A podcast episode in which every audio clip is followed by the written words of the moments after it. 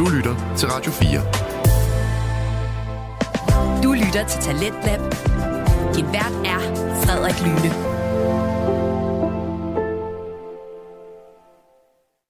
Velkommen tilbage til time 2 af Talentet på Radio 4, programmet som præsenterer til de bedste og mest underholdende fritidspodcast. Vi hørte sidste time samtale podcasten Vi spiller spillet med værterne Mathilde Julbak Jensen og Dorte Vinter Larsen, som talte om reality-serien Paradise.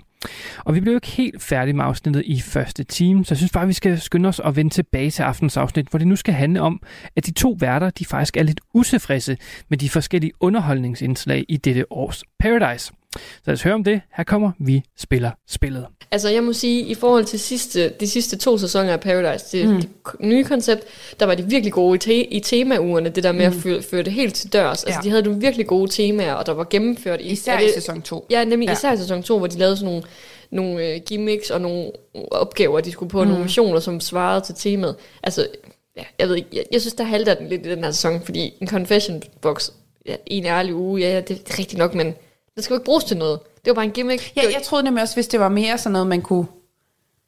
Jamen, jeg ved ikke, jeg, jeg føler bare som ser, havde jeg bare brug for at få mere, mm. end hvad jeg fik. Mm. For det blev bare lidt sådan noget la-la. Så noget, ej, nu hygger vi rigtig med vores drinks og fester. Altså, ja. det havde mere fedt, hvis man sådan virkelig... Jeg kunne bruge ja. det sådan noget. Og, det, og igen, det kan også være, det er for tidligt i forløbet endnu at smide sådan en ind, hvis det skulle være noget seriøst. Så skulle vi længere hen i forløbet, ja. før at der virkelig kunne komme nogen. Altså, Ja, Hvis der nu var nogle drama, noget intriger, man havde brug for at få svarene på, at så gav det mening at have den der. Mm. Men det er jo så der, jeg håber, at Pandoras for eksempel. Men, ja, det er jo det. Men den kan du jo heller aldrig være helt sikker på, for der sidder de jo også og prøver at tale for deres syge moster og alt muligt bla bla bla. Ja, ja. Men, ej. Ja, ja. Nå, men øhm, jamen, så er der jo hele den her snak med, øhm, mellem, der er både Malte og Jasmin, der har en snak, fordi at, øh, at Jasmin, hun er jo sådan, ved jo godt, at altså, at Malte føler, at han skylder Emilio. Jamen, det sagde han jo. Ja. Altså, da, de, da Emilio gav ham... Mm. Jasmin, det lød forkert. Ja, da ja, ja. Emilio, han opgav det, mm. så sagde Malte jo også sådan, at det, det, det er virkelig taknemmelig for, det husker jeg. Og, sådan. Mm. og det er jo derfor, at Jasmin reagerer på det, for hun vil bare gerne vide, nu har du sagt det her til Emilio, betyder det så, at lige snart du får muligheden, så går du tilbage til Emilio, så er der overhovedet en grund til, at vi to bygger noget op sammen. Mm. Og der er Malte jo meget sådan, nej, jeg vil rigtig gerne stå med dig det siger han jo så også selv i synken, at den eneste grund til det, er, fordi hun har en stol, så, de, så hvis hun, han bliver ja. ved hende, så er han sikker. Ja, ja. Altså, jeg kan, ikke, jeg kan altså ikke helt lure Malte. Ja, jeg synes, Nej. han er svær sådan at finde ud af, har han overhovedet sådan, hvor godt inde i spillet er han? Altså, har han styr på taktikken? Og, sådan, og det er også fair nok, at man lige skal i gang, og man skal lige finde ud af det, og alt mm. det her. Men jeg, jeg har bare lidt svært ved sådan helt at finde ud af, hvor god han er til at spille det spil. Ja, fordi er det ikke Emilio, der siger også her i i den her uge, hvor han sagde sådan noget med, at det, det er et godt venskab, men han er ikke sikker på, at det skal være et stærkt partnerskab mm. med ham og Malte. Jo, det kan godt Så det kan godt være, at han er ved at blive spillet. Ja, altså jeg er i hvert fald lidt usikker på, sådan, hvor langt i spillet Malte han kommer. Ja. Øhm, men det er også vi lige startet sådan noget, ja, så det er virkelig svært. Ja, vi skal, også, vi skal jo også lige som ser lære dem og, mm. og kende. Jeg har stadig ikke helt fundet ud af, hvem der vil stå med hvem. Det må vi jo, altså yeah. hvem, sådan, finde ud af, hvad for nogen. Men der er vi ja. jo heller ikke helt endnu. Nej, altså, nej, nej. Okay, men øh, og så er der også den her snak om Pat- Patrick og Sara. Oh my god, ja. Hvor hun lige pludselig skal lære ham at kysse, og jamen, det er så sjovt. Men først hele dramaet med, at han ja. konfronterer hende med, ja. at hun har sagt til ham, at nu gider hun, eller han havde sagt til hende, det jeg gider, svært, jeg gider ja. ikke mere, og hun var bare sådan lidt, nå ja, okay. Sådan havde han ja. opfattet det. Og det reagerer han på, for han var sådan lidt, du skal lade være med det der, jeg gider ikke, altså, når du, at du bare siger sådan noget, altså, jeg, for at være ærlig, jeg synes, det er lidt svært sådan lige at finde ud af, ja, vi behøver, hvad er problemerne. Ja, nej, nej, det er ikke, fordi vi behøver at gå i dybden med det. Men de bliver i hvert fald lidt uvenner, og det bliver tydeligt for sig det her med, at Patrick nok har flere følelser for mm. hende, end hvad hun egentlig har. Mm. Og hele det her med, at hun har svært ved at vise følelser, og det har han ikke. Mm. Øhm, men de ender så med at blive gode venner igen og begynder at kysse, og så synes hun, at han kysser dårligt, og han kommer i Sars kysseskole. Og... Jeg synes, det var så sjovt. Ja. ja. Han finder sig meget, det gør han. Han kæmper for kærligheden. Jamen, det er også sådan lidt... Oh, på den ene side sådan lidt... Oh, Patrick, for fanden. Altså, mm. lad nu være med at gøre, være sådan... Altså, nem i situationstegn. Altså, mm. lad nu være med at, at give hende de der muligheder. Ja. Men samtidig så tror jeg, som vi snakkede om tidligere, det her med, at at der kan jo godt ske at opstå noget. Hun er nok hun, bare ikke helt der endnu, hvor hun ved, hvad hun føler, eller Nej. klar til at acceptere nogle følelser. Hun vil stadigvæk sådan prøve at holde det lidt på afstand. Ja, jeg vil også sige, nu, nu har du ikke set den tidligere sæson, som Sara var med i, men mm. der var hun jo også, øhm, fik hun jo også en Paradise-kæreste. Nå. Ja, som også blev mega vild med hende, og det var fuldstændig samme historie, okay. at hun sådan, der var hele tiden det der spil, ja. og så synes han ikke, hun viste nok og sådan noget, og hun var sådan, hvad gør jeg? Du ved, ja. sådan alt det, det er fuldstændig det samme. Ja. Så det er ikke, øh, jeg tror bare, hun er vant til, at, at fyrene falder for hende. Ja, ja, så. og det gør de jo også. Ja, det gør de jo altså. så. Ja. Nå, og så, hvad er der mere til det her afsnit egentlig? Øh. Så er brev dagen efter, er det det? Ja, jeg har også lige noteret det der med, igen, oh, ja, Lukas og Rosa flytter og kysser. Ja, det er rigtigt. Ja. Hvordan kan jeg glemme den sidste slutning? Det kommer jo det. Så dagen efter skal de jo så have, får de et brev om Emilio. Ja. Han skal gå med dem, der har en stol, skråstreg et hvidt hjerte ja. i Palmelunden. Og så får han en opgave, hvor han skal gætte, om der er kul eller guld i deres kiste. Så han skal sådan skiftevis spørge dem. Ja. De må selv vælge, hvad de ligger i. Ja. Jeg synes faktisk, det var lidt et, et mærkeligt twist, fordi kan du ikke huske, når vi har snakket med de deltagere, der har været med, så er det sådan, alt er jo planlagt. Mm. Du må mhm. ikke ændre dit, dit svar, når først du har taget en beslutning. Ja. Så kan du ikke bare sige noget andet op til parceremoni, for mm. eksempel. Øhm, men det synes jeg jo faktisk godt, den lægger op til nu her. Ja. Fordi, hvordan forklarer det? Øh, hvis nu de kan se, at han er bagud med at gætte, så vil dem, der hjælper ham, jo hjælpe ham endnu mere, mm. hvis det giver mening. Eller ja, ja. at Sara, eller hvad hun, nu, Rosa, hun lyver jo om, ja. hvad der er hendes øh, kiste så kan de andre jo bare spille øh, god og, mm. og sige sandheden, fordi så bliver Rosa jo sat i et dårligt ja, ja. lys. Og det kan de jo ændre hen ad vejen. Altså forstår du, hvad ja, jeg mener? Ja, jeg med, at, man, at de kan selv ja, tviste det her, som de vil, i, i takt med, at det ja, sker. Så de det har ikke taget en beslutning inden. Ja, det er svært at være den første, for eksempel. Mm. Fordi den første skal ligesom på en eller anden måde lidt lægge stil mm. for, hvordan det efterfølgende kommer til at køre. Ja, og det er ikke sådan, de har sagt til produktionen, jeg lægger guld i min kiste, og jeg siger til ham, at Men det der ved ligger, vi jo ligger ikke. kul. Det ved vi jo ikke. Altså, det, vi ved det jo ikke. Vi ved jo faktisk ikke, om det er noget, de allerede på forhånd har meldt ud, men det kommer til at fremstå som om, at de i øjeblikket tager beslutningen. Mm. Det kunne faktisk være noget, vi skulle prøve at følge op på. Ja, det tror jeg, vi bliver nødt til at følge op på. Fordi det, det var noget, jeg sad og tænkte over hen ad ja. vejen. At det var lidt unfair. Ja. At, øh, ja. ja, lige præcis. Men, øh, men det, han skal jo gætte fire. Ud af fem rigtige. Ja, ja, det er også vildt. Og det, der jo så sker, hvis han gætter rigtigt, det er, at han får en stol, mm. og han skal tage en stol fra en af de andre. Og den, han tager en stol fra, skal inden næste parceremoni sige, hvem det er, vedkommende øh, vil stille sig ved. Ja. Lidt et twist. Og gætter han ikke rigtigt, så får han ikke en stol. Så skal han sige, hvem det er, han vil stille sig ved. Ja. Jeg tror, det største twist er jo, hvis han ikke får den. Fordi han er jo udsat lige nu. Mm. Så det er jo, hvis han ender med at ikke få stolen, og så skal sige, hvem han stiller sig ved, altså så tror jeg, altså det er jo ham, der kommer til at have svært ved, hvor han skal stå, fordi mm. de andre, mm. de ved jo godt, hvem de skal stå med. Ja. På nær lige selvfølgelig, hvis han, jamen det er jo det, der er lidt udfordring, hvis han så får en stol, så er der jo lige pludselig en af de andre, der kommer til at skal stille sig lidt et andet sted ja. eller noget. Ah, nej, der er bare så meget. Det er ja, jeg, tror, jeg tror lige det der twist, det der med, ja. hvor de var sådan, oh my god, skal han sige, hvor han skal stå? Ja. Der må jeg indrømme, der skal jeg lige se det, før jeg fatter, hvor, hvor, hvor vildt et, et twist ja. det er. Ja, fordi altså, det, jeg tror på den ene side kan det blive rigtig vildt, ja. alt efter hvis det er den rigtige person, mm. der får den. Mm. Men den kan også falde til jorden, hvis det er en, der måske har nemt ved at finde et andet sted, hvor det er oplagt. Ja. Men uanset hvad, så vil den person jo være nødt til at stille sig ved siden af en anden. Mm. Så det er jo der, hvor den person stiller sig, er der jo en, der er udsat. Om det er den ene eller den anden. Ja. Ja, Jamen, ja, det, ja, det er lidt forvirrende. Så det må vi lige se i næste uge. Hvordan, og det bliver vi jo nødt til, fordi den stopper jo med en cliffhanger. Han har jo gættet Øh, en forkert og tre rigtige. Så og, den, vi, og den han gælder forkert, det er jo Rosa, ja, der lurer ham direkte op og i ansigtet. det tog han meget... Øh, Jamen altså, hvad, hvad sker der? Jeg var også bare sådan, what? Men jeg tror, Sandheden selv. På en måde er det nok også godt for hende, at hun lige får vist, at jeg kan godt lyve. Ja. Selvom det er måske et dumt tidspunkt, hun vælger at gøre ja, det på. Det og det er dumt. måske ikke den rigtige måde, hun skulle have gjort det på. Men Nej. hun får i det mindste bevist, at jeg kan godt lyve, så det er troværdigt. At, øh, ja. altså, og det er jo på en eller anden måde det der med, at hun har jo, nu har hun jo fremstået virkelig som den søde, rare, uskyldige Rosa, der spiller med hjertet og mm. alt det her, men får jo også bevist, at I skal ikke komme her og tro, I ved, hvem jeg er. Ja. Fordi jeg kan sagtens finde på at lyve over for jer. Ja. Og jeg gør det gerne med et smil. Og det gjorde hun jo. Det, ja, jeg er ja. imponeret over hende, det må jeg Jamen sige. virkelig, men det var Emilio, han var jo virkelig også, altså sådan, det havde han ikke set komme. Så, og nu venter vi jo bare på at se, det slutter jo med, at vi ved ikke, om Patrick han lyver. Nej, eller om hans, om hans bro lyver. Ja, Ja, ej. Bro. bro. Oh my god. Oh, bro, nu skal du bare sige, har du guld? Hvad har du i gæste? Altså bro. Hvad så bro? Ej, fuck, han sagde det meget.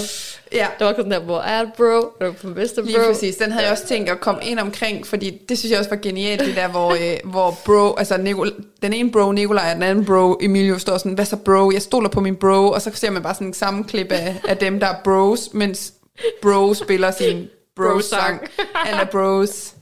Og, det, og der kunne jeg godt lide humoren i det, det ja. der, fordi jeg så det som et humoristisk indslag, det ja. der med, at de lige tager lidt pis på, ja, ja. at de, de laver så meget bros.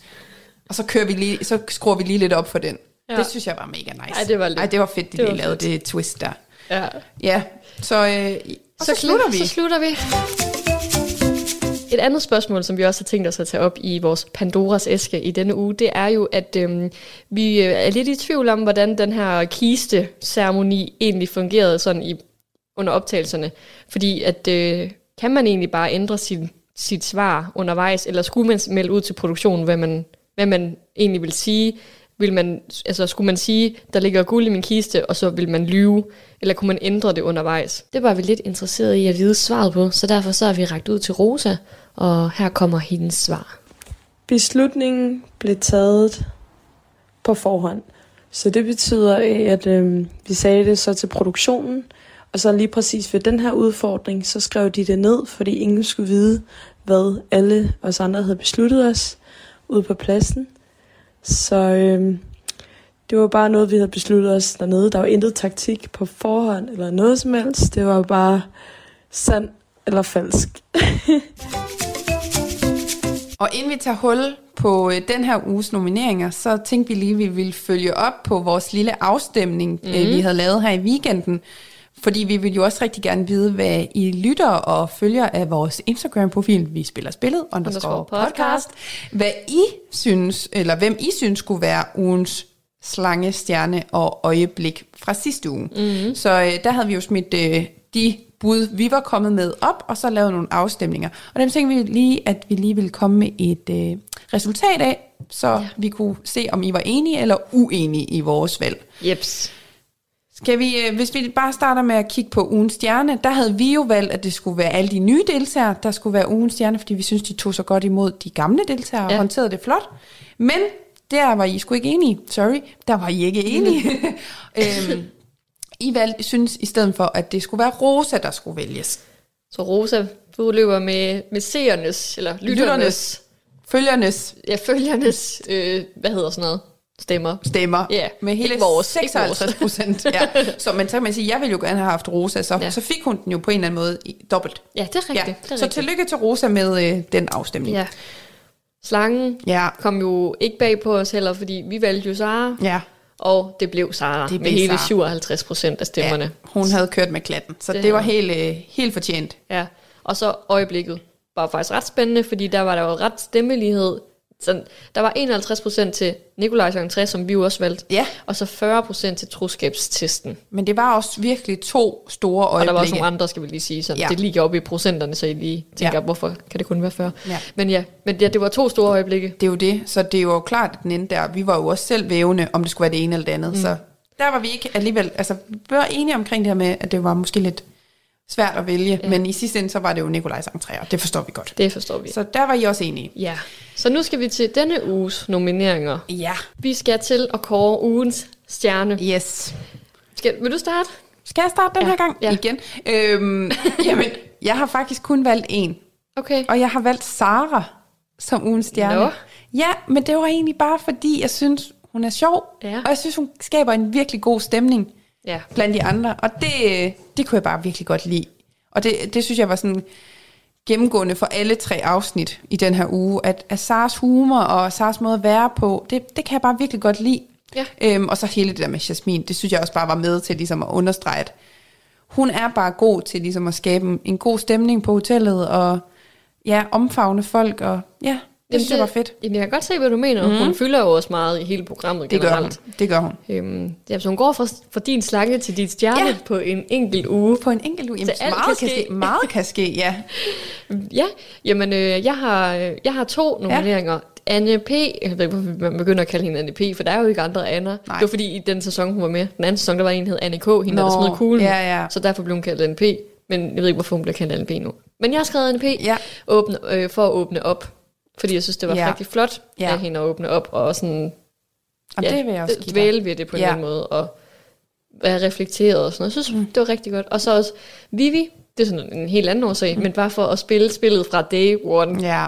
Jeg synes, hun, øh, hun, hun gør det godt. Jamen, det synes jeg Og hun også. overrasker lidt. Lige altså, præcis. Sådan, som vi også snakkede om tidligere. Så det er de to, jeg har. Okay. Men det bliver svært, kan jeg Den er faktisk, ja. Men jeg kan godt, jeg kan godt være med på den her med, med Anne. Okay. Jeg synes også, at, øh, at det fortjener faktisk en stjerne øh, den her uge, for at være så ærlig, som hun er. Mm. Øhm, ja, og ture fortælle om sin historie. Det er jo ikke bare, fordi hun fortæller, at der er sket ting, men hun fortæller jo faktisk, at hun har skåret i sig selv. Mm. Og det, altså sådan, hun går faktisk lidt ned i det. Ja. Og det synes jeg er virkelig flot. Og også det der med at få noget mere substans, siger jeg lige med situation, citationstegn. Altså, hun kommer ligesom et lag dybere ned. Mm. Øhm, og det kan jeg virkelig også godt lide. Så den er jeg faktisk med på. Jeg vil gerne give den til Anne, at hun bliver ugens stjerne. Skal vi gøre det så? Ja, det synes jeg. Tillykke, Anne. Du vil ikke også tage Sara? jeg synes Anne. Anne, hun får den. Okay. Anne får den. Tillykke, Anne. Tillykke. Velfortjent. Yes. Nå, men så er der slangen. Ja. Skal, jeg- skal jeg starte? Ja, start du. Jamen, jeg har sagt Rosa. Ja. Det er lidt sjovt, det to omvendte nu. Ja, Den meget. sidste uge var det omvendt. Men øh, jamen, det var egentlig bare, fordi jeg blev så chokeret over, at hun løg. Nå, hold da op. Jeg synes simpelthen, at det var så rådent.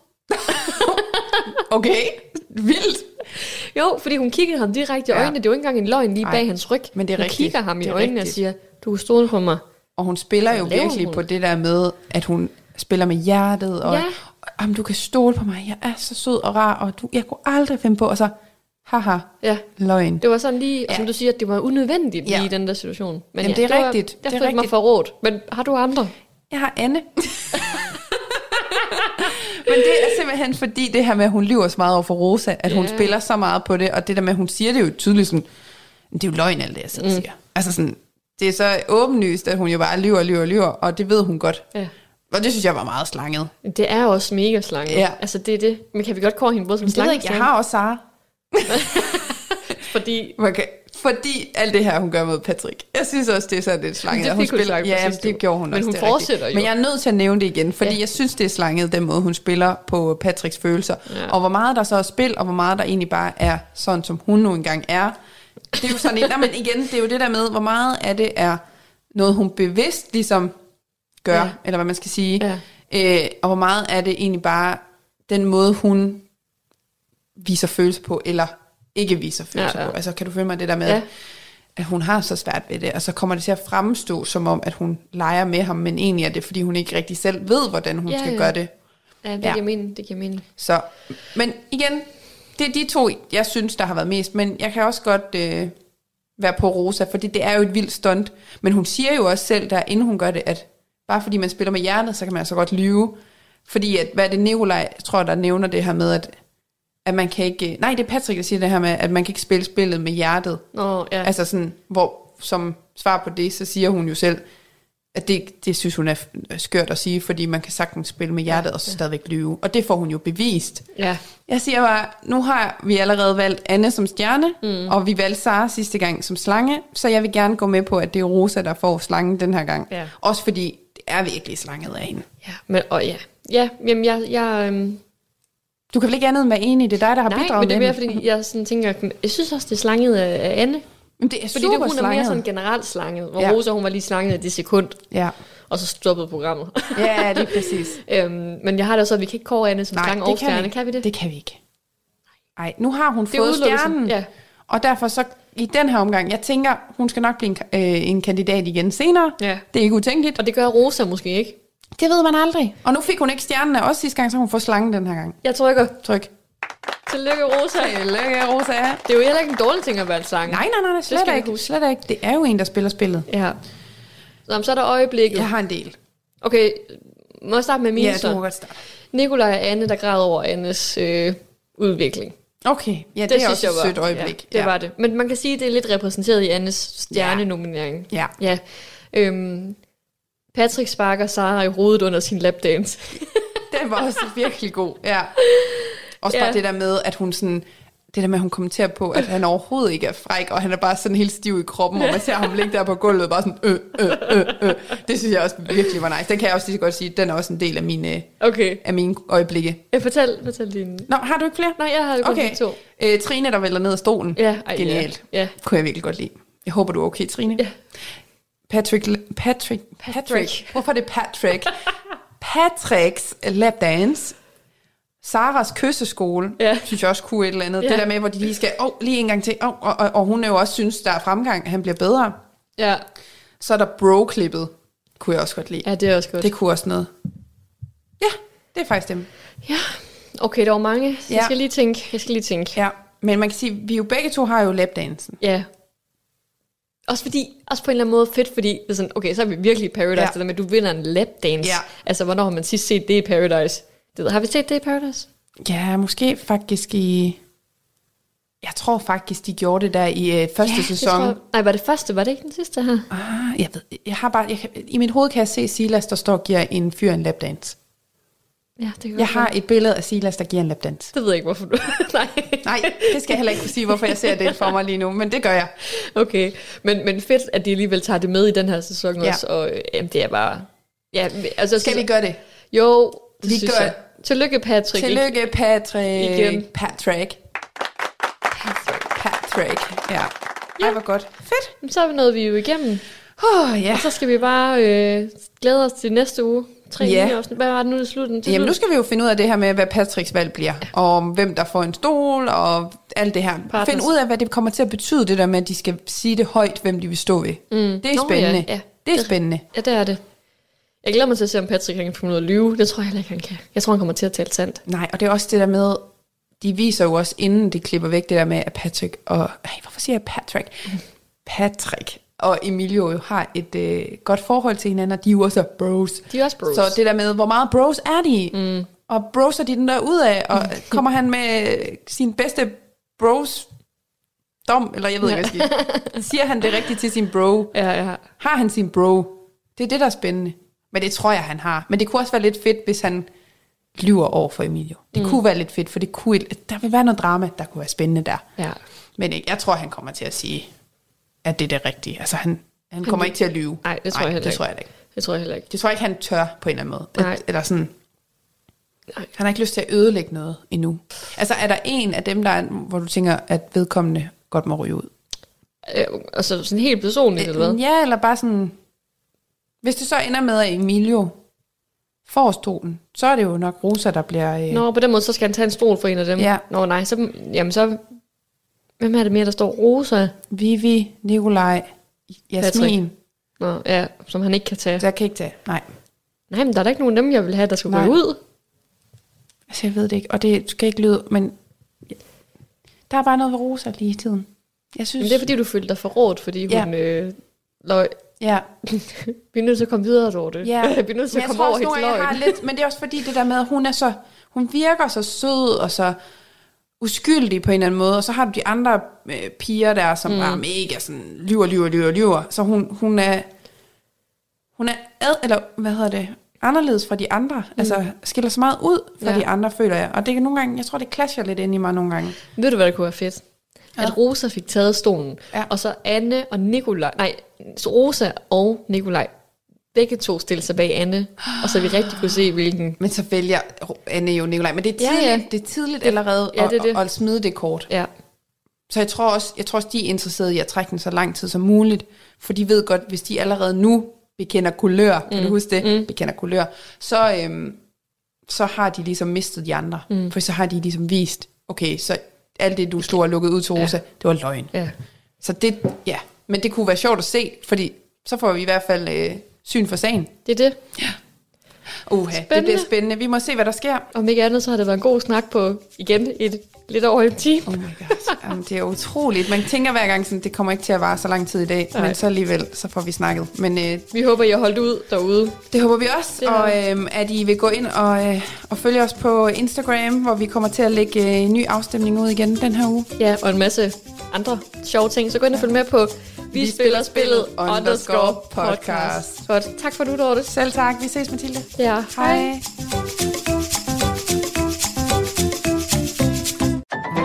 Du lytter til Radio 4. Vi er i gang med aftens time 2 her i Talentet på Radio 4. Det program, som giver dig mulighed for at høre nogle af Danmarks bedste fritidspodcast.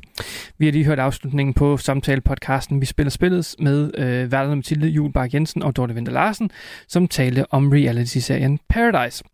Og jeg må bare indrømme, at øh, det er ikke noget, som, øh, som jeg ser øh, Paradise. Øh, jeg gjorde mange, mange år tilbage, da jeg gik på efterskole, der var det nærmest en religion jo, men øh, og man skulle jo følge med, fordi alle andre gjorde det, og det var sådan noget med, at man kunne få adgang til, øh, til afsnit før tid på en eller anden måde, hvis man havde et, øh, hvis man havde et link af en eller anden art, øh, så, kunne man, så kunne man få det før andre. Og det var dengang med de der, øh, ham den gamle og Dargan og jeg kan, jeg, ja, ja, øh, Stokkefar og alt det der. Øh, det, var, det, var en, det var en særlig tid. Det var som om, der var et eller andet, det var, det var sådan en, en energi og en stemning dengang, som virkelig, øh, man virkelig blev tiltrukket af øh, ved dem, og det blev bare sådan det alle tale om på den tidspunkt, så det var vildt interessant at følge med i. Øh, men den har desværre tabt, den der, øh, den der, øh, den der øh, skal man sige, tiltrækningskraft, der var ved programmet, den, øh, den føler jeg ikke længere desværre, men det er dejligt at høre, at der stadigvæk er nogen, der, der, øh, der bærer faklen videre så, øh, for, for, for, for den tid, dengang var. Så det synes jeg er meget interessant at høre på, øh, selvom jeg overhovedet ikke kender til nogen af de personer, som, som bliver nævnt. Nok om det. Vi iler nu videre, da vi nu skal til et afsnit fra en anden fritidspodcast, og det er frygtelig fascinerende med vært Maria Kudal. Og frygtelig fascinerende, det er en podcast, hvor Maria hun dykker ned i emner, som er ja, forfærdelige, men ikke mindst også ret fascinerende. Og i aften der skal det handle om Palæstina og den historie, der ligger bag det, som vi ser udspille sig i Gaza og Israel den dag i dag. Jeg synes bare, vi skal komme i gang med afsnittet, så her kommer frygteligt fascinerende. Du lytter til Frygteligt Fascinerende. Et missil oplyser den mørke himmel over Gazastriben. Tegner en lige kurs, før det blinker kraftigt og skifter retning. Først ses en eksplosion på himlen, derefter en større eksplosion på jorden. Missilet har ramt i nærheden af et hospital i den nordlige del af den besatte Gazastribe. Området oplever i forvejen mangel på alle livsnødvendige ressourcer. Strøm, brændstof, mad og medicinsk udstyr. Og nu er et af områdets større hospitaler altså blevet bombet. Udenfor på parkeringspladsen ligger smadrede biler. På græsset ligger de lige, der er båret ud fra det ødelagte hospital. Flere kommer til hele tiden. Israel siger, at Hamas selv har bombet hospitalet ved en fejl. Palæstinenserne siger, at det er Israel, der har sendt bomberne. Det er selvfølgelig også kun kort tid siden, at Israel bad 1,1 millioner mennesker fra den nordlige del af Gazastriben om at evakuere sydpå, hvis de ikke vil bombes. Velkommen til det her afsnit af Frygteligt Fascinerende, hvor jeg giver en kort introduktion til det, der sker i Palæstina. Frygteligt Fascinerende er en podcast, hvor vi ser fra over for folkemord og apartheid. Velkommen til.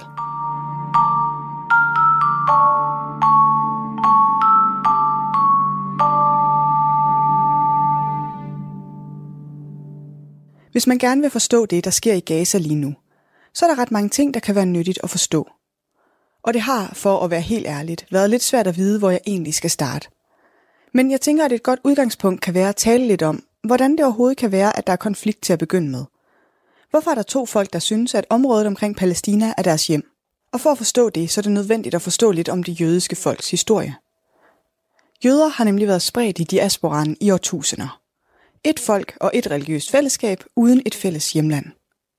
Faktisk så stammer ordet diaspora fra den græske oversættelse af Bibelen, og det beskriver spredningen af det jødiske folk efter ophøret af det babylonske fangeskab.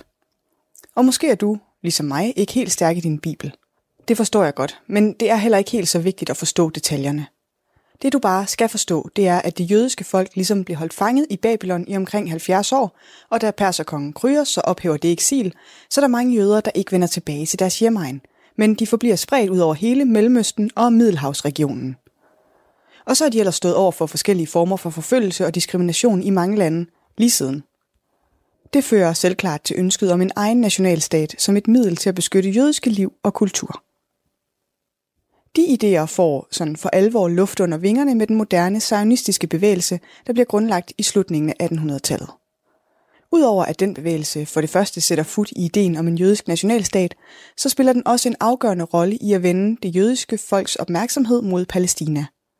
For zionister er nationalistiske i deres kerne, og de vil etablere en jødisk stat i det, de forstår som jødernes historiske hjemland, og det omfatter altså Palæstina. Opblomstringen af zionisme skal ses i forbindelse med det, der mange steder kan ses som en opblomstring af antisemitisme, Forfølgelse og diskrimination er den primære drivkraft bag ønsket om en jødisk nationalstat. Så langt, så godt. Og nu er det så tid til et historisk nedslag. En begivenhed, som jeg ser som et klart vendepunkt i historien om Israel og Palæstina. Og det er Balfour-erklæringen fra 1917. På det her tidspunkt i historien, der sker der flere ting samtidigt. Du kender det sikkert som et årstal, der ligger hen mod slutningen af den første verdenskrig, men udover det, så sker der også det, at det osmanske imperium kollapser. Og jeg ved selvfølgelig ikke med dig, men jeg var ikke sådan helt skarp på det osmanske imperium. Men helt kort, så er det et rige eller et imperium, grundlagt i 1300-tallet og geografisk beliggende i det europanære Mellemøsten. Og det kollapser altså her, lige omkring afslutningen af Første Verdenskrig. Og blandt andet det moderne Tyrkiet kommer ud af det her osmanske imperium. Men for at gøre en lang historie kort, så er det også det osmanske imperium, der har kontrollen med Palæstina på det her tidspunkt. Så da det kollapser, så er der ligesom et magtmæssigt vakuum i området. Ind på scenen træder derfor Storbritannien. Og de er sådan, ja tak, vi vil gerne have mandatområdet her. Tak som byder. Så det får de. Haps, og det er dem, der udsteder Balfour-erklæringen et par år tidligere. Udstedt af den britiske udenrigsminister på det tidspunkt, Arthur Balfour, 2. november 1917, erklæres britisk støtte til oprettelsen af et nationalt hjem for det jødiske folk. Og man har altså sine øjne rettet på Palæstina allerede på det her tidspunkt. Så da Storbritannien et par år senere får mandatområdet der, så bliver det en vigtig politisk milepæl for tilskyndelse til jødisk bosættelse i området.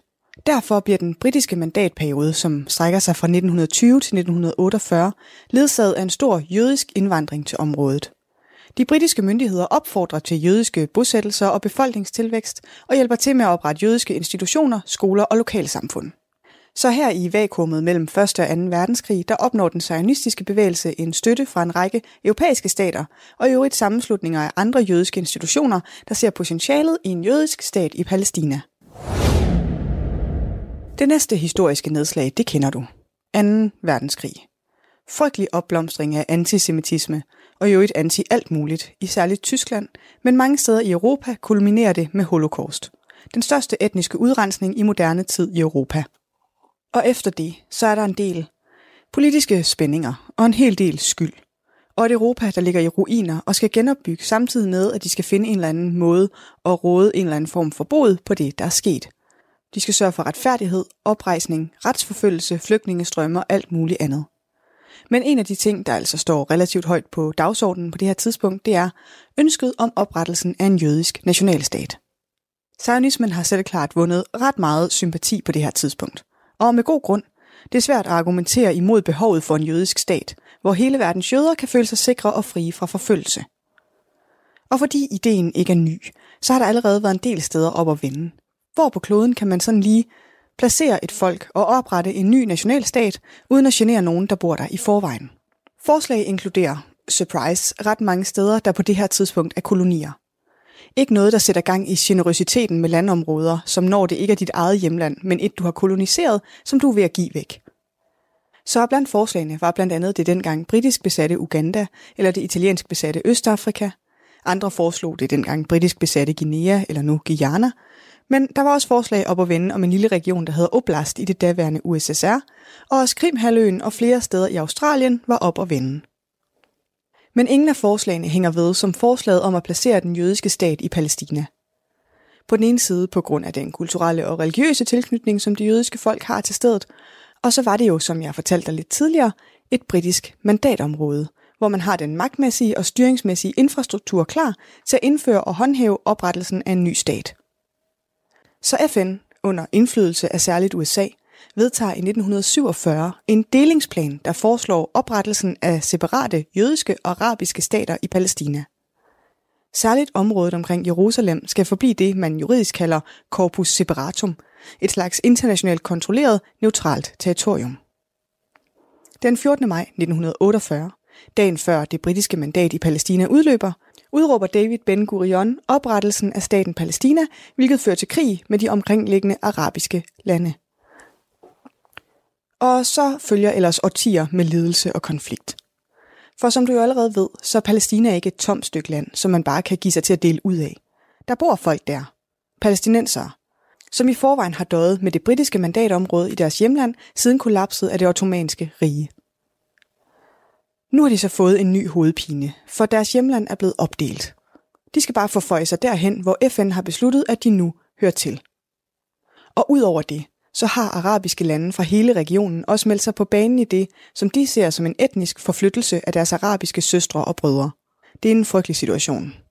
Og for at gøre en lang og kompliceret krig og historie kort, så fører konflikten til en masse flugt blandt palæstinensiske arabere. En periode eller en begivenhed, som de kalder Nakba, som oversat til dansk bare betyder katastrofen. Omkring 700.000 palæstinenser bliver smidt ud af deres hjem eller flygter. På det tidspunkt svarer det til omkring 85 procent af den arabiske befolkning i det område, som Israel nu kalder for Israel. Langt de fleste af dem har aldrig haft muligheden for at vende tilbage til deres hjem. Arabere, som blev i Israel som statsborgere, blev udsat for uendelig meget diskrimination. De er uønskede, de tilhører en anden etnicitet og religion, og så er de jo en hverdagspåmindelse om, at der boede folk i det område, som nu hedder Israel.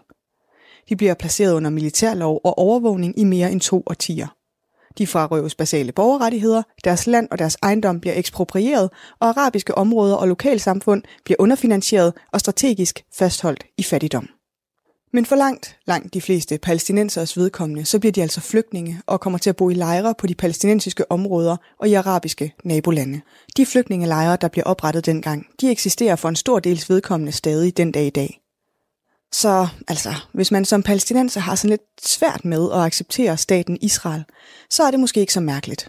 En hel generation bliver sendt i flygtningelejre, ens hjemland bliver stjålet. Man opretter staten Israel, og nu skal man have alle de mennesker, der bor i området, væk. Det er en kæmpe forflytning af et folk og en humanitær krise for palæstinensere. Men det Israel, som blev oprettet dengang i 1948, det matcher ikke det område, som vi kalder Israel i dag. Overhovedet faktisk. For du husker nok, at der var tale om en delingsplan oprindeligt. Palæstinenser og israelere skulle dele landet efter anvisninger fra FN. Israel i dag er noget større end det, som man dengang havde tænkt som det israelske areal. Og det er det på grund af seksdagskrigen i 1967. Og det er i virkeligheden en helt anden historie med den krig. Men det, som du skal vide lige nu, det er bare, at der fandt noget sted, der hedder Seksdagskrigen, og under den, der besætter Israel forskellige palæstinensiske områder. De områder er for en stor dels vedkommende så stadig besat i dag. De er altså ifølge international lov ikke en del af Israel, men Israel har politisk, militær og økonomisk kontrol med dem. Så en ulovlig besættelse, som gavner Israel på alle mulige måder. Blandt andet betyder det for eksempel, at turistindtægter fra populære rejsemål, for eksempel omkring Jerusalem, går til Israel og ikke til Palæstina. Men langt mere alvorligt er det selvfølgelig, at hvis du bor i et besat område, så har det konsekvenser for alt. Din bevægelsesfrihed, din adgang til ressourcer, vold, uro og en besættelsesmagt og magthaver der, hvor du bor, der ikke overhovedet er interesseret i, at du er der. For mange af de drivende kræfter bag besættelsen er af religiøs og ideologisk karakter. For det er den førte politik i Israels regering, at hele området omkring Palæstina bør tilhøre det jødiske folk, og de ser det derfor som retmæssigt at fordrive palæstinensere fra deres hjem. Det er derfor lidt centralt at huske på, når man skal forstå det her, at staten Israel ikke bare bliver oprettet i Palæstina på grund af skyld over de frygtelige handlinger under nazismen. Staten Israel og dens placering er et resultat af en årtier lang indsats fra den zionistiske bevægelse, og den zionistiske bevægelse har fortsat sit virke ind i politik i staten Israel. Det er en officiel nationalistisk bevægelse, som mange nok vil kategorisere som ekstremt højorienteret. Men det er selvfølgelig en fortolkning. Og når nu vi er ved politikken i Israel, så er det også vigtigt at nævne, at det er selvfølgelig, selvfølgelig ikke alle israelere, der har det her synspunkt. Faktisk er det mit indtryk, at mange israelere slet ikke er klar over de her ting. Litteratur og historiebøger er censureret. Adgangen til information om besættelsen af Palæstina er stærkt begrænset. Jeg læste i noget, som Steffen Rasmussen har skrevet, han har rejst i Palæstina, link i show notes, og han beskriver, hvordan der ved indfaldsveje til de palæstinensiske territorier er skilte placeret, som advarer om, at det er farligt og risikabelt at køre ind. Det er et gennemgående tema, det her. Israelsk propaganda, der fremstiller Palæstina som farligt og palæstinenserne som fjender. Yes. Så langt, så godt. Det næste, vi skal tale lidt om, det er muren. Den mur, som israelerne bygger på Vestbreden i starten af nullerne. Det er et mildt sagt kontroversielt stykke byggeri. Ifølge Israel så bygger de den, fordi de er bekymrede for palæstinensiske selvmordsbombere. De bygger den udelukkende på palæstinensisk territorie, og den udgør derfor en de facto territoriel udvidelse af Israel, og dermed en yderligere kolonisering af palæstinensisk område. Muren strækker sig over 700 km og er en kombination af betonmure, pigtråd og elektronisk overvågningsudstyr. Nogle steder er den op til 8 meter høj. Og så adskiller den altså de israelske bosættelser på Vestbreden fra de palæstinensiske områder. Og hvis du stusser over ordet bosættelser, og undrer dig over, at jeg ikke siger besættelser, så vender jeg tilbage til det. Det er nemlig to forskellige ting, men mere om det lige om lidt. I 2004 udsteder den internationale domstol i Haag en udtalelse, hvor de erklærer, at muren er i strid med folkeretten og opfordrer til, at den bliver revet ned. Domstolen argumenterer for, at muren unødigt internerer de palæstinensiske områder, forhindrer fri bevægelse og har alvorlige humanitære konsekvenser. I 2004. Muren står der stadig i dag. Muren adskiller familier, og folk bliver adskilt fra deres arbejdspladser. Man skal stå i kø i timevis for at komme igennem, særligt hvis man er palæstinensisk. Og det er, hvis man altså overhovedet bliver godkendt til at komme igennem. Muren patruljeres nemlig af israelske vagter. Det er dem, der bestemmer, hvem der kommer igennem, hvornår. Det er altså en omfattende begrænsning af den palæstinensiske bevægelsesfrihed, og den har helt ubeskrivelige økonomiske, sociale, familiære konsekvenser for palæstinenserne. Hvis du gerne vil forstå, hvad den her mur betyder for den almindelige palæstinenser, så er det bare at gå i gang.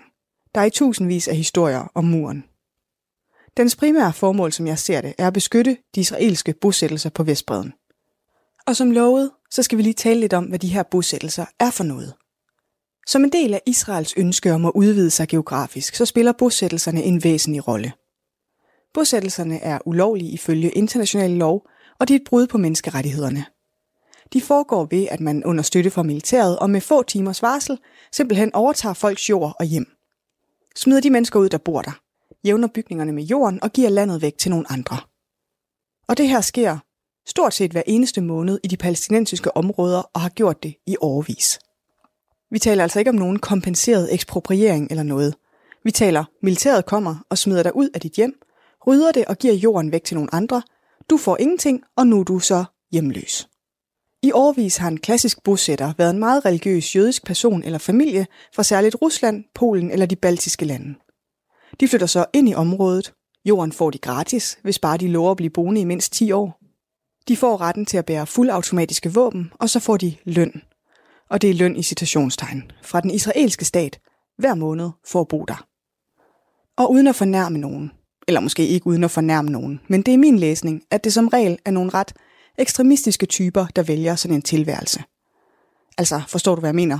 Man skal alligevel være en noget speciel type for sådan at flytte ind på nogle andres jord og være spydspids hver dag for en kolonial annektering af land. Der dukker der også fra tid til anden historie op i medierne om de her bosættere. Ofte i forbindelse med overfald på palæstinensere. Formentlig på grund af deres grundlæggende religiøse tro på, at området bør tilhøre Israel, og at palæstinenserne derfor ikke har ret til at være der. Yes.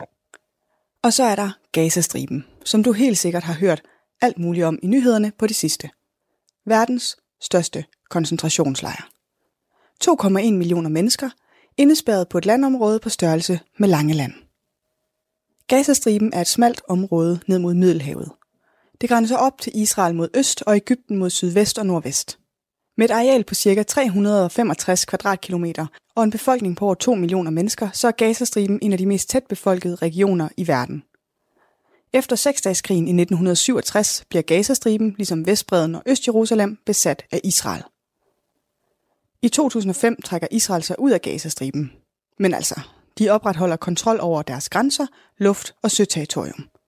Al økonomi, elektricitet og adgang til rent drikkevand går stadig igennem Israel og kan dermed lukkes ned og åbnes, når Israel ønsker det. I 2007 overtager Hamas, en islamistisk bevægelse, kontrollen over Gazastriben efter magtkampe med Fatah-bevægelsen.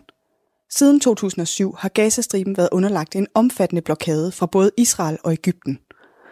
Og hov, Ægypten? Hvorfor er din del af den her blokade af Gaza, tænker du måske? Ægypten er vel arabisk. Det er rigtigt, skarpt tænkt, men det er fordi, jeg sprang lidt let hen over seksdagskrigen tidligere. Øh, det kommer jeg sådan set stadig til at gøre, men du skal bare lige vide om seksdagskrigen, at der taber Ægypten og ret mange andre lande. Og lige siden så har Ægypten altså været sådan ok interesseret i at være på god fod med Israel. Man kan derfor se Ægyptens blokade af Gazastriben som et forsøg på et sikkerhedssamarbejde med Israel. Og så er Ægypten jo et heller ikke sådan helt vildt glad for Hamas. Men udover det, så er grænsen til Ægypten også blokeret, fordi Ægypten De er ikke som sådan interesseret i, at to millioner mennesker potentielt kan ende som flygtninge i Sinai-ørkenen. Og der er ingen tvivl om, at Ægypten ser det som en reel risiko. At Israel simpelthen kommer til at dræbe eller fordrive samtlige indbyggere i Gazastriben. Og de ting i kombination er så nok til, at man går med til at opretholde en blokade. Som det er med blokader, så har det frygtelige humanitære konsekvenser. Det begrænser bevægelsesfriheden, men mere alvorligt, så det er fjendtlige nationer, der har kontrollen med adgangen til alle ressourcer for befolkningen i Gazastriben. Og Gazastriben er en kilde til vedvarende spænding og konflikt, og området har været centrum for gentagende voldelige sammenstød mellem israelere og palæstinensere. Det er måske det område af konflikten mellem Israel og Palæstina, der tiltrækker størst opmærksomhed fra det internationale samfund. Og så er der Hamas, som er på alles slæber for tiden. Hamas er en islamistisk, palæstinensisk, politisk og militær organisation. Den blev grundlagt i 1987 under det, man kalder den første intifada, som er en palæstinensisk opstand mod den israelske besættelse. Hamas har sine rødder i det muslimske broderskab og betragtes som en terrororganisation i flere lande, herunder selvfølgelig Israel, men også USA og EU og mange andre steder. Hamas har både en politisk og en militær fløj og har været involveret i den israelske palæstinensiske konflikt, hvor den har arbejdet for oprettelsen af en palæstinensisk stat og modstand mod den israelske besættelse gennem forskellige midler, herunder væbnet konflikt og politisk handling. Hamas regerer i øjeblikket i Gazastriben, og de er en betydningsfuld aktør i palæstinensisk politik. Og nu har de altså foretaget historiens mest dødelige terrorangreb på israelsk grund. Selvfølgelig er det forkasteligt. Selvfølgelig er det det når man bevidst dræber og tager civile til fange. Det man skal spørge sig selv om, når man er interesseret i, hvordan en bevægelse som Hamas slår rødder, så skal man tænke på Gazastriben. Et besat område med en indespærret befolkning. En de facto koncentrationslejr. Verdens største. Familier, der bliver smidt ud af deres hjem af et andet lands militær. At alle ens ressourcer, strøm, vand og mad er kontrolleret af en fjendtlig statsmagt.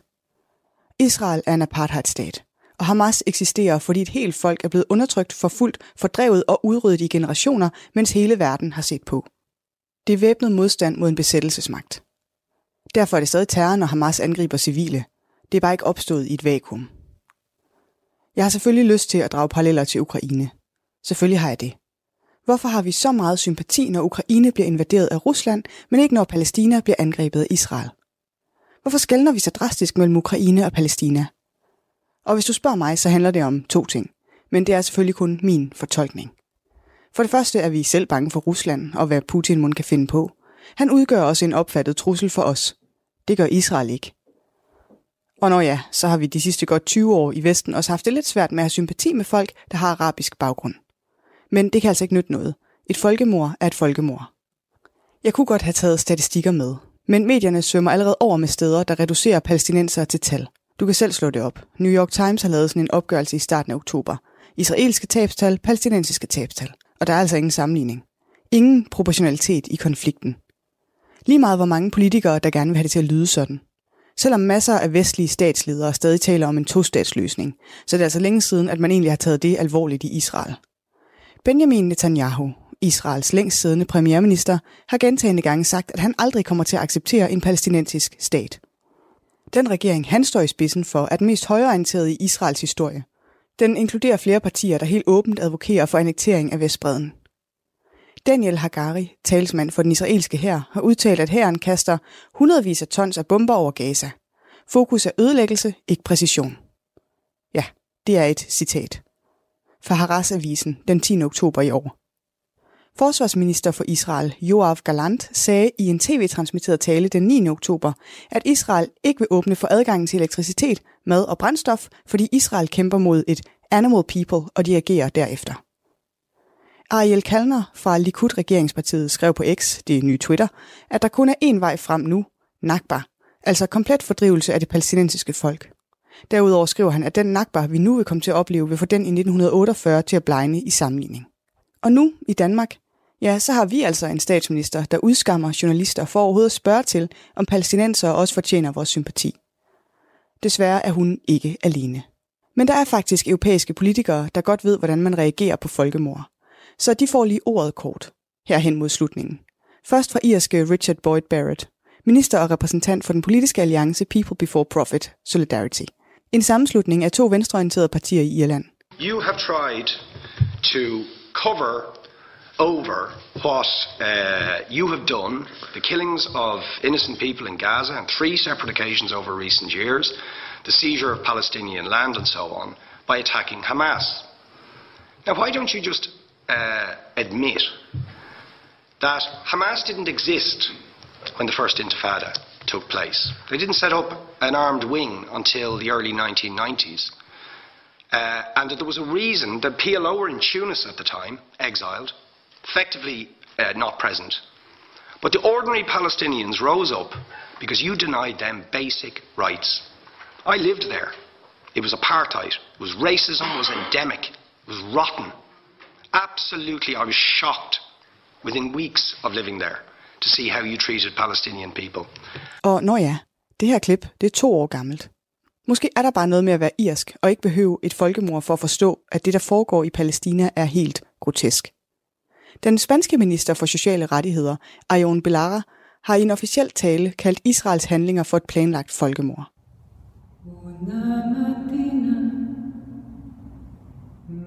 Men den største tilkendegivelse af sympati for Palæstina, den er græsrådets. Demonstrationer verden over. Fodboldfans, der tager palæstinensiske flag med på stadion. Viser folkets modstand, når verdenslederne ikke vil. Hvis du spørger mig, så kommer historien ikke til at se særlig pænt på dem, der støtter det her folkemord. Apartheid i Sydafrika var lovligt. Højreorienterede ungdomspartier gik rundt med Hang Mandela t-shirts flere steder i Europa. That didn't age well. Gaza står over for en total embargo. De får ikke mad, de får ikke vand. Det er ikke svært at regne ud, hvad det kommer til at betyde for de mennesker, der bor der. Det ved hele verden også godt. Det må vores egen statsminister jo også vide. De har ikke strøm. Læger uden grænser trækker sig ud. Der kommer et lille bitte antal lastbiler igennem i døgnet med nødhjælp. Så når Israel rasler med sablerne og beder civile om at evakuere, hvis de ikke vil bombes. Det er altså ikke sådan, det fungerer. Hvis folk ikke vil bombes, så er du nødt til at lade være med at bombe dem. Hvor skulle de også rejse hen? De er spærret inde. 2,1 millioner mennesker på et område på størrelse med Langeland.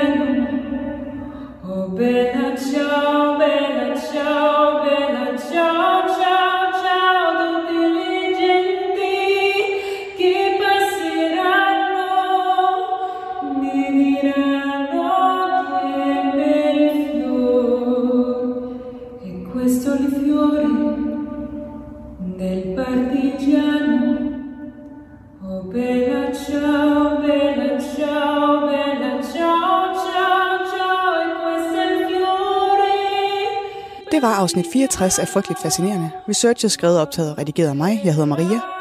Du kan støtte offrene i Palæstina. Jeg foreslår at støtte gennem Oxfam. Dem har jeg linket til i show notes. Men der er sikkert alle mulige steder og måder, du kan støtte på. Tak for nu.